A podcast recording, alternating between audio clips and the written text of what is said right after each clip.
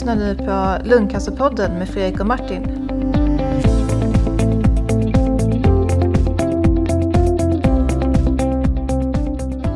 Hej Fredrik! Tjena! Halloj! Hör du, Ja. vi avslutade förra avsnittet med att säga att vi skulle prata lite mera generellt om behandlingar. Du hade ju en genomgång av din egen behandling. Just det. Eh, Och då så tänker vi väl att Ja, du har ju en lite specialare kan man säga eftersom du har den här EGFR-mutationen då i, i din tumör. Eh, och Det kan vi ju nämna igen kanske, men det har vi varit inne på det ganska mycket. Men jag tänkte vi kan även prata lite mer generellt om, om hur man beslutar om behandling och, och vilken behandling som, som eh, blir aktuell för olika typer av lungcancer. Ehm, och egentligen så tycker jag så här, man måste, vi, vi får börja med liksom en, en liten lungcancerlektion. Även om jag har sagt att jag inte ska vara så här doktor Martin som ska lära ut saker så, så tror jag att för att man ska hänga med så, så är det nog bra att ha grunden. Liksom. Och man kan säga att lungcancer delas egentligen upp då i, i två stycken huvudgrupper. Och det är det som kallas för småcellig lungcancer och så är det det som brukar heta icke småcellig lungcancer. Och småcellig lungcancer det är ungefär 15% av patienterna med lungcancer som har, har det. Småcellig lungcancer är väldigt speciell på, till, till, ja, och, och ganska så likartad eh, för de som drabbas av den. Att, att den är snabbväxande och ofta så har den hunnit eh, sätta metastaser. Det är väldigt sällan vi hinner operera småcellig lungcancer och så. Eh, den icke småcelliga lungcancern, den är egentligen en grupp då på, det rör sig om kanske 80-85% av patienterna. Eh, och, och den i sin tur uppdelad i undergrupper. Eh, och där ger vi olika typer av behandlingar när man har spridd tumör. Sen så behandlar man den, eh, om man har en lokaliserad tumör så behandlar man dem väsentligen likartat. Hänger du med? Jajamän.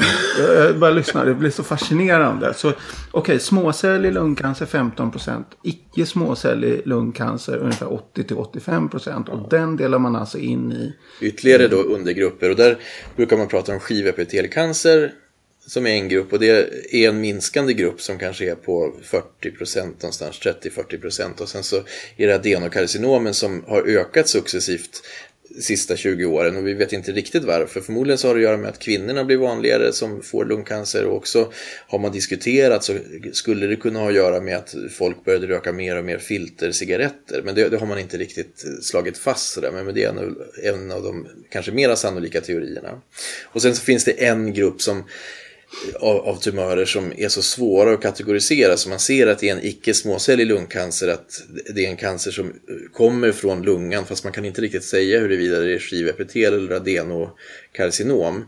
Eh, och då så säger man att det är en storcellig lungcancer då. Och, och för de som är intresserade av liksom biologin så är det väl egentligen så att cellerna inte är så differentierade, de är inte så mogna utan det är ganska omogna celler som inte riktigt uttrycker några specifika markörer som, som visar att, åt vilket håll de tänker gå i sin utveckling. Ehm, och ja, hur behandlar man då lungcancer? Det, det är ju, det här, jag menar, det här avsnittet skulle kunna bli åtta timmar långt utan problem. Vi ska försöka hålla oss till ungefär 30 minuter.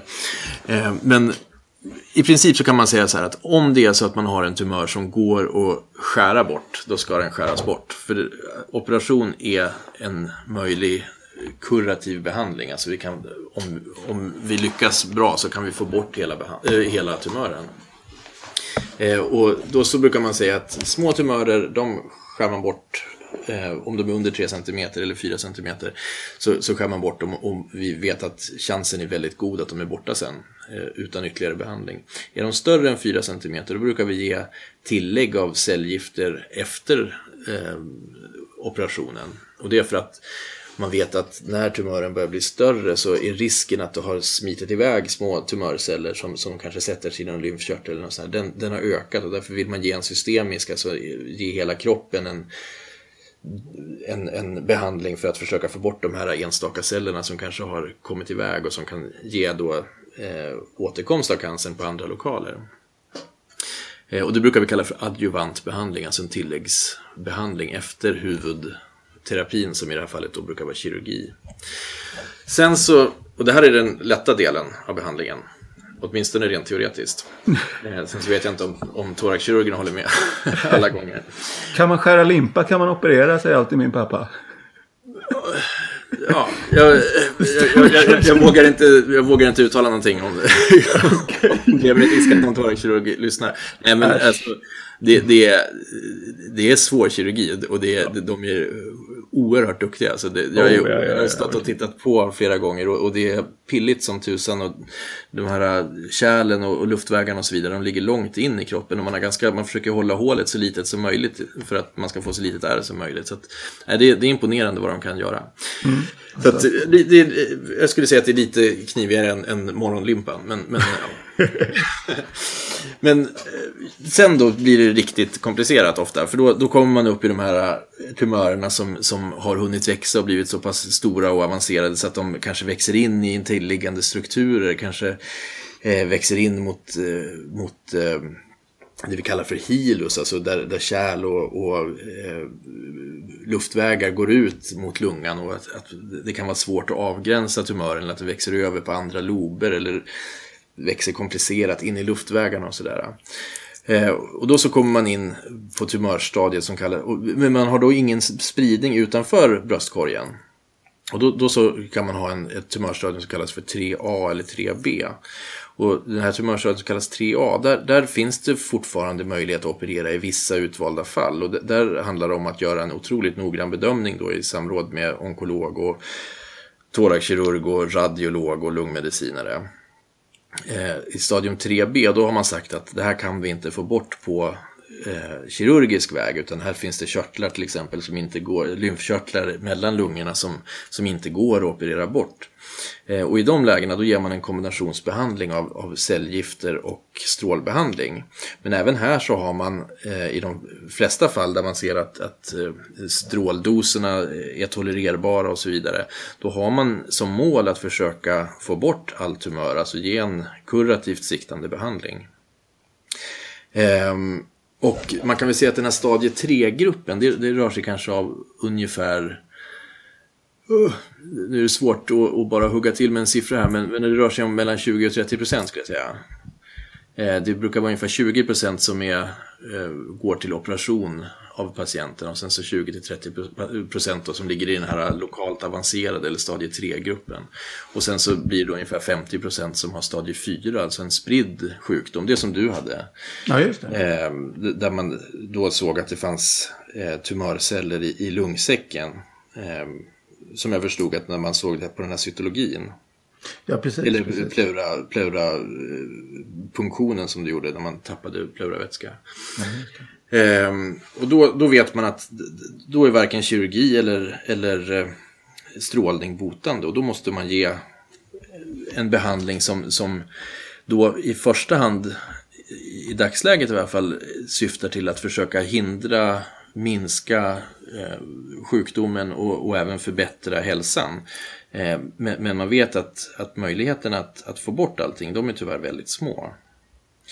Eh, och det var väl det som du fick reda på där dagen, samma dag som, som du fick ditt diagnosbesked. Att Ja, precis. vi kommer inte kunna bota dig Fredrik. Och, ja, tyvärr så är det ju så när man har stadie 4 att, att eh, chansen till boten är, den är i dagsläget fortfarande väldigt låg. Men sen så har man ju då kommit till det här att eh, i vissa lägen så kan vi ge specifik terapi, det kommer nya läkemedel och så vidare. Så att vi, den dogmen börjar bli allt, mer, allt mer utmanad eh, tack vare de nya läkemedlen.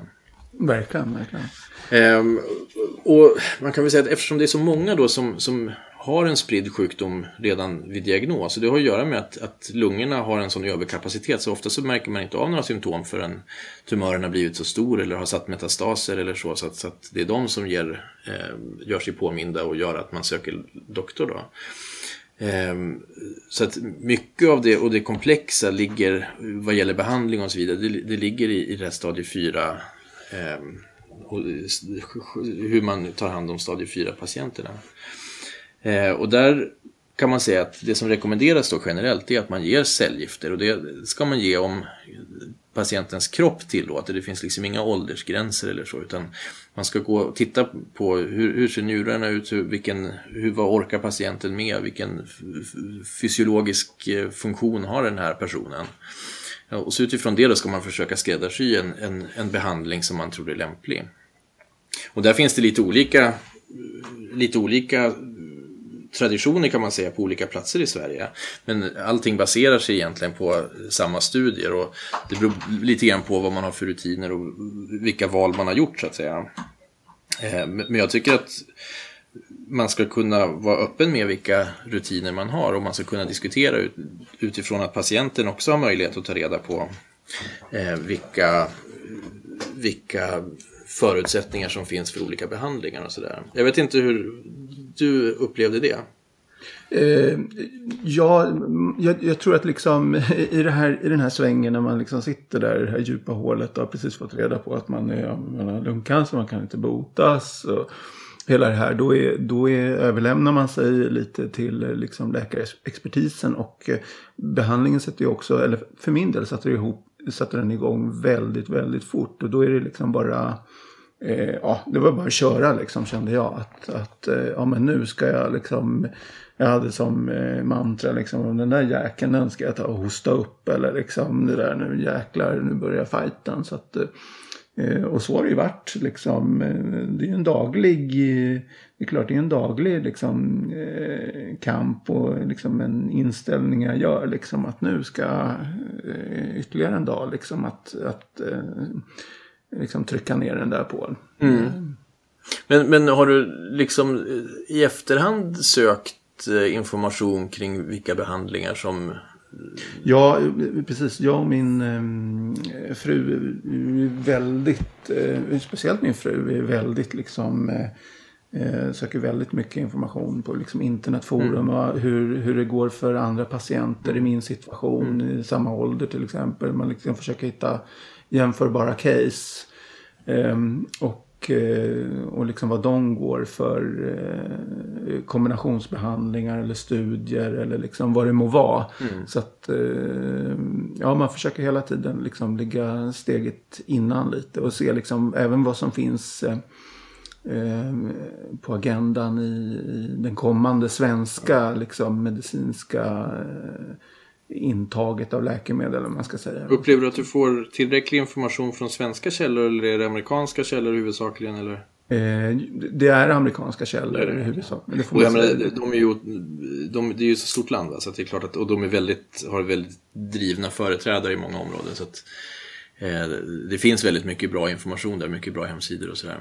Eh, men, men det, det, kan vara svårt för ibland så går det, är det svårt att översätta eh, läkemedelsnamn etc. Och, och, sen så har man lite olika traditioner i USA och Sverige också i behandling. Och, och eh, Sverige har ju traditionellt sett väldigt bra eh, resultat eh, inom onkologin. Alltså vi, vi ligger ju långt fram i behandlingsresultaten. Eh, faktiskt. Så att, så att man ska liksom inte tänka att, att eh, bara för att man inte gör exakt som man gör i USA så, så, eh, så, så, är det fel så att säga. Utan jag tycker nog att vi i Sverige ofta ligger väldigt bra till. Sen så finns det vissa centra i USA som har en enorm forskningskapacitet och, och visar på enorma resultat. Alltså. Och där, där ligger vi lite efter i Sverige tror jag. Tyvärr. Alltså. Och, det, och det har att göra med att, att eh, har man jättestora patient, patient eh, vad säger man, patientupp, stor patientupptagning och, och alltså har väldigt mycket patienter så, så blir det ju väldigt intressant för, för läkemedelsföretag att, att förlägga sina studier där och så vidare. Det, det är väldigt effektivt och, och, det är vana, vana doktorer, vana sköterskor, det finns system för allt sånt där. I Sverige så är det svårare för vi har så små sjukvårdsområden ofta. Eh, mm. Och det, det, är ett problem som vi måste adressera i Sverige tycker jag. Mm.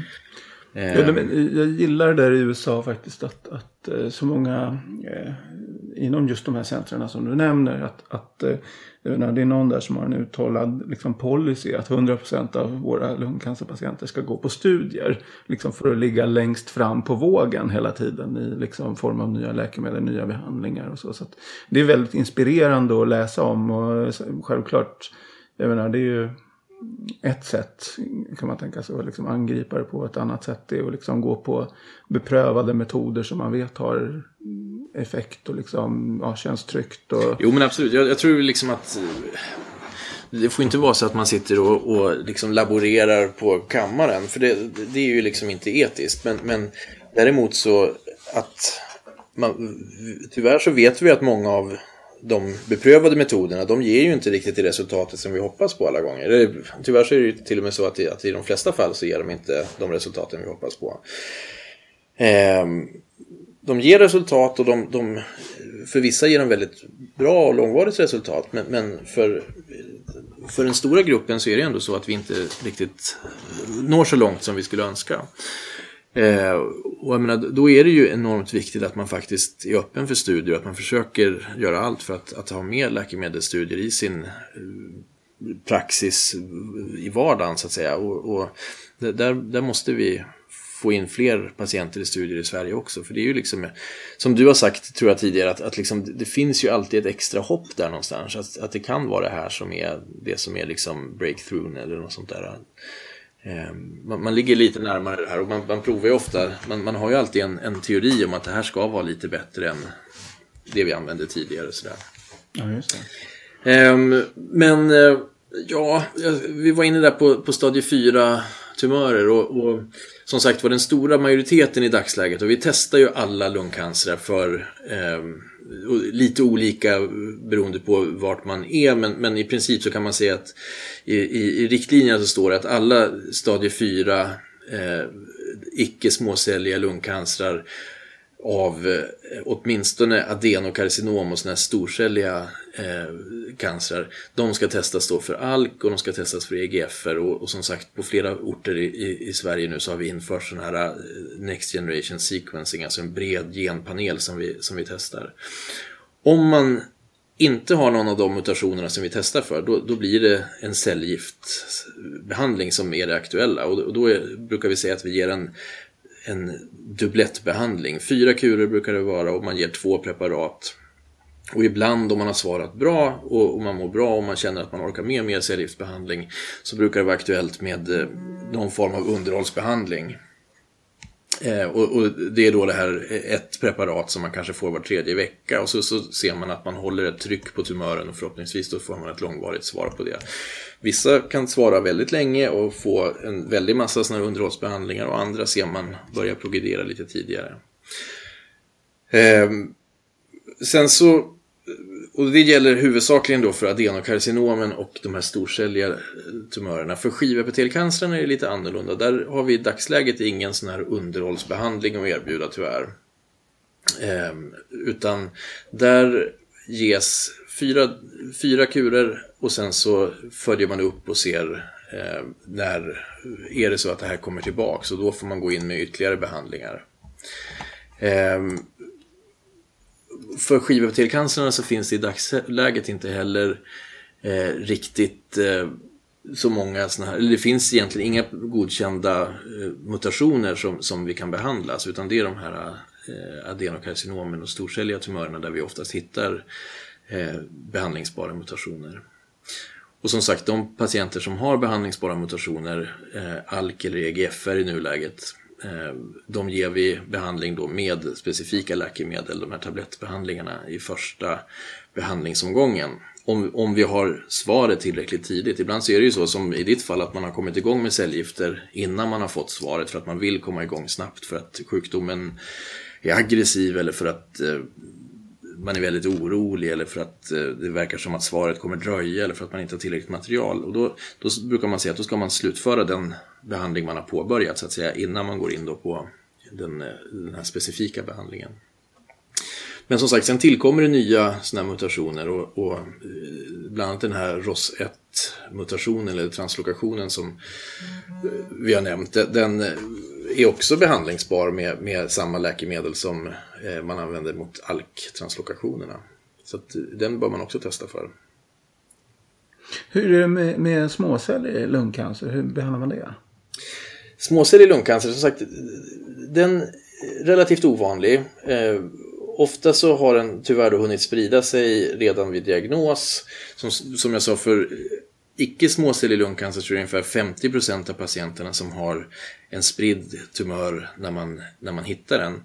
För småcellig lungcancer, nu har jag ingen aktuell data riktigt i huvudet, men, men där är det en väldigt, alltså det är en liten minoritet, alltså det rör sig om enstaka procent som opereras primärt för sin småcelliga lungcancer. Övriga eh, patienter då, de får, om de har tumör som bara finns i lunga och i det vi kallar för mediastinum, alltså området mellan lungorna, så ger man då en kombinationsbehandling med strålning och cellgifter. Eh, och det är också då en så kallad platinumdubblett, alltså en, en dubbelterapi med två stycken cellgifter och sen så får man strålbehandling eh, i samband med det. Eh, och eh, är det så att den är spridd utanför kroppen så är det samma eh, praxis då som vid icke småcellig lungcancer, att då ger man en systemisk cellgiftsterapi. Och är det så att man, och det är det som är lite häftigt om man kan säga det med, med småcellig lungcancer, att den är så otroligt cytostatikakänslig ofta. Alltså, alltså den svarar enormt snabbt på, på cellgifter på ett sätt som icke småcellig lungcancer inte riktigt gör. Man kan se redan efter första eller andra kuren att man har fått en otrolig minskning av, av tumören och, och patienten mår ofta mycket, mycket bättre. Och är det så att man har en bra effekt av, av eh, sin cellgiftsbehandling, då kan man ge strålbehandling i efterförloppet, bland annat mot hjärnan för att minska risken för, för eh, att cancern ska, ska blomma upp i, i hjärnan som, som nästa ställe. Så att säga. Man vet att det är en vanlig lokal för metastasering. Ehm, så att i huvudsak cellgifter och strålbehandling mot eh, icke småcellig lungcancer. Och sen så enbart cellgifter för, för många då med spridd sjukdom. Och sen är det det här eh, eh, tredje typen då av lungcancer, som mesoteliom. Ja, det är ju det är ju egentligen ingen riktig lungcancer om man ska hårdra det. Utan mesoteliomet är ju en, en cancer i lungsäcken, alltså den, den eh, jätte, jättetunna eh, hinna som omger lungan och som bekläder bröstkorgens insida och som bildar som en litet glidyta för lungan att, eh, så att det kan röra sig fritt inne mellan, mellan eh, luft, eh, alltså me mellan eh, bröstkorgsväggen och, och sig själv så att säga när man andas. Eh, och den här lilla glidytan den har man ju normalt sett inga som helst eh, vetskap om för den, den är så otroligt tunn och liten och sådär. Eh, men ibland då, om den blir retad så kan den, den är ganska smärtkänslig så man kan få rätt ont i den. Eh, och det kan man få efter lunginflammationer till exempel. Och i samband med det så kan man också få en retning som gör att den här eh, vätskan som, som produceras av den här lungsäcken, att den liksom ansamlas. Och det var ju det som du hade också då, mm, att, att man får som vätska i lungsäcken. Ja, pluralvätska, plural. Precis. Och mesoteliom då, det är att man får en tumör som, som eh, sitter i lungsäcken och som bildas i lungsäcken. Eh, och den, det är en lungcancerform som är, eller en cancerform då som, som är väldigt ovanlig. Det rör sig om kanske 200 fall per år i Sverige. Knappt 200 fall. Och, och den är väldigt starkt kopplad till eh, exponering av asbest. Så att de, de som drabbades eh, tidigare hade ofta höga expo exponeringar av asbest. Eh, rörde sig ofta om rörmokare och byggnadsarbetare och sådär. Eh, nu för tiden så är väl asbestexponeringen ändå relativt begränsad men vi ser ju fortfarande fall. Och vi är... Jag hörde att må många av de som jobbar på eh, i eh, resterna efter World Trade Center där har fått eh, mesoteliom. Ja, just det. Ja, men det kan man väl tänka sig kanske. Mm. Eh, det, finns ju, alltså, det finns ju de fallen som naturligtvis inte är kopplade till asbest också. Men, men man vet att asbest och mesoteliom det är en väldigt starkt samband. Och där eh, har det ju varit jättestora rättsliga tvister i USA bland annat just efter att arbetare blivit utsatta för asbest och sen då utvecklat mesoteliom. Ehm, men, men eh, och, och det tråkiga då med mesoteliom är att, att det är, den är liksom så diffust spridd redan från början i lungsäcken så det är väldigt sällan man kan göra någonting åt den. Man kan ibland försöka stråla men det finns egentligen ingen större evidens för det. Det finns försök där man har försökt eh, operera bort hela lungsäcken och delar av hjärtsäcken, alltså perikardet heter det. Och, Eh, man opererar bort lungan, alltså en otroligt eh, ut, eh, extensiv kirurgi. Och, och, det görs inte i Sverige för att vi anser inte att, att det finns tillräckligt underlag för att det faktiskt gör någon nytta. Men det görs på vissa platser i, i världen. Men, men, som sagt var, det, det, det, diskuteras vid varje kongress huruvida det ska göras eller inte. Eh, så, att, så att det som är den standardbehandlingen vid mesoteliom det är att man eh, ger cellgifter där också. Och precis som vi, vi, det är i princip samma preparat som vi ger vid icke-småcellig lungcancer. En dubblett av, av eh, två preparat som man då eh, ger under 4 till 6 eh, kurer beroende lite grann på vad patienten orkar. Ehm, nu så har det kommit viss, viss data eh, här senaste tiden. Det är inte publicerat än, men det var på senaste eh, världskongressen vill jag minnas, eller om det var på Asko, jag kommer inte ihåg riktigt. Så, så eh, fanns det tecken på att man kunde förbättra effekten av cellgiften om man lade till Eh, Eh, en, en sån här angiogeneshämmande läkemedel. Men, men det är ingenting som har blivit rekommendationen och det får man väl vänta tills man ser den här publikationen. Men, men vissa tecken på att det skulle kunna ha bättre effekt fanns det. Och det kommer påbörja studier också där man lägger till andra typer av sådana här eh, målstyrda läkemedel för att försöka minska eh, bland annat angiogenesen. Eh, det, Vad är det? Vad är... Angiogen... Ah, gud, förlåt. Det, det, det, är jag som är helt miljöskadad. Det låter som rena latinet för mig. Ja, det, är eh, precis vad det är. Eh, det är alltså kärlnybildning. Okay. Så att, och för tumören är ju så otroligt beroende av, eftersom den växer så snabbt så är den så otroligt beroende av blodtillförsel helt enkelt. Och, det bildas massor av, av blodkärl kring en tumör. Det är som en liten vårta ja, kan man ju säga. Vårta är ju en slags tumör. Ja. Kan man säga. Mm. Eh, men eh, ja, och, och, och, då så är ett sätt att försöka bromsa och, och minska tumörens möjlighet att växa och, och, skicka ut metastaser och sådär eh, är att, att försöka hindra den här kärlnybildningen. Och det finns vissa preparat som, som man har utvecklat då mot det. Mm. Tyvärr så har de inte givit kanske riktigt de resultaten som man hade hoppats men det, det brukar ge en viss tilläggseffekt. Och det finns rekommenderat som behandling både inom lungcancer och, och mesoteliom. Då. Eller förlåt, inom mesoteliom ska jag inte säga att det finns rekommenderat, men, men det finns indicier på att det kan fungera. Så ska jag säga. Indicier? Alltså. Ja, alltså det finns presenterad data som, som tyder på att, att man kan tjäna några, må tjäna några månader så att säga. Men eh, återigen, det här att tjäna några månader, det betyder ju att det är progressionsfri man pratar om då. Jag, jag tror, att det var, jag tror att det var eh, overall survival, alltså eh, överlevnad. Men, men, när man pratar om överlevnad från studier så pratar man ju populationer. Och det var ju precis det du sa tidigare också. Att, att bara för att, det, att man säger att i en studie så lever man si och så länge så, inte, så betyder ju inte det att det är så länge som just en individ kommer leva. Utan för varje individ så, så, så kan man ju inte säga om det är hälften så lång tid, lika lång tid som man får ut som medianöverlevnad eller om det är dubbelt så lång tid eller tre gånger så lång tid. För visst, det finns ju då eh, personer som, som är extremer åt alla håll så att säga. Det är som att räkna livslängden för en bil. Ingen vet egentligen. Jag menar, Nej, ja. precis. Man kan säga att uh, i snitt så skrotas en Volvo efter 13 år. Liksom. typ. Uh, men jag menar, vissa har ju uppenbarligen bilar som, som åker omkring och är 55 år gamla. Liksom. Andra... Nissan kanske? Kanske. Ja, just det. Det, är din ja. ja. ja. Jag har kört en gammal 240 som var 25 år. Så att, och den gick som ett skott. Ja, okej. Okay. Ja, däremot, ja. Du, riktigt spännande de där. Det där måste vi återkomma till känns det som. Du, jag menar. Absolut, men, det måste vi göra. Och där, där kommer ju Asko upp nu. Jag reser till Chicago nu nästa vecka. Mm. Till min frus eh, måttliga glädje, ska jag säga. Det har varit lite, lite eh, stelt här på slutet. Okay. det blir alltid det när man ska åka iväg så här i skolavslutningstider. Jag förstår det. Eh, men, eh, men det ska bli jättespännande och jag tror att eh, det, det, kommer komma upp en hel del intressant data där. Och frågan är, skulle vi kunna försöka få till ett avsnitt därifrån? Det vore jättespännande. ASCO, det är den här eh, amerikanska cancerkonferensen. Ja, ja. American Cancer Association eller något sånt. Precis, Society for Clinical Oncology heter den väl. Aha, det är så det är. Ja. Men, och det, ja, just det. det ja, men det, ja, det är en jättekongress. Det är 30-40 tusen människor som, som samlas och, och det handlar om alla tumörformer och sådär. Det är enorm, wow. Eh, enorm samling alltså. Wow, häftigt. Ja. Ja, det vore jätteroligt att ja. kunna ha ett avsnitt därifrån och, och får man höra lite nyheter kanske. Vi får se om vi kan hitta någon slott som eh, överbrygger tidsdifferensen. Mm, verkligen. Ja. Det blir toppen. Men du, jag hoppas att, att det här blev hyfsat klart nu då. Tyckte du att du kunde hänga med?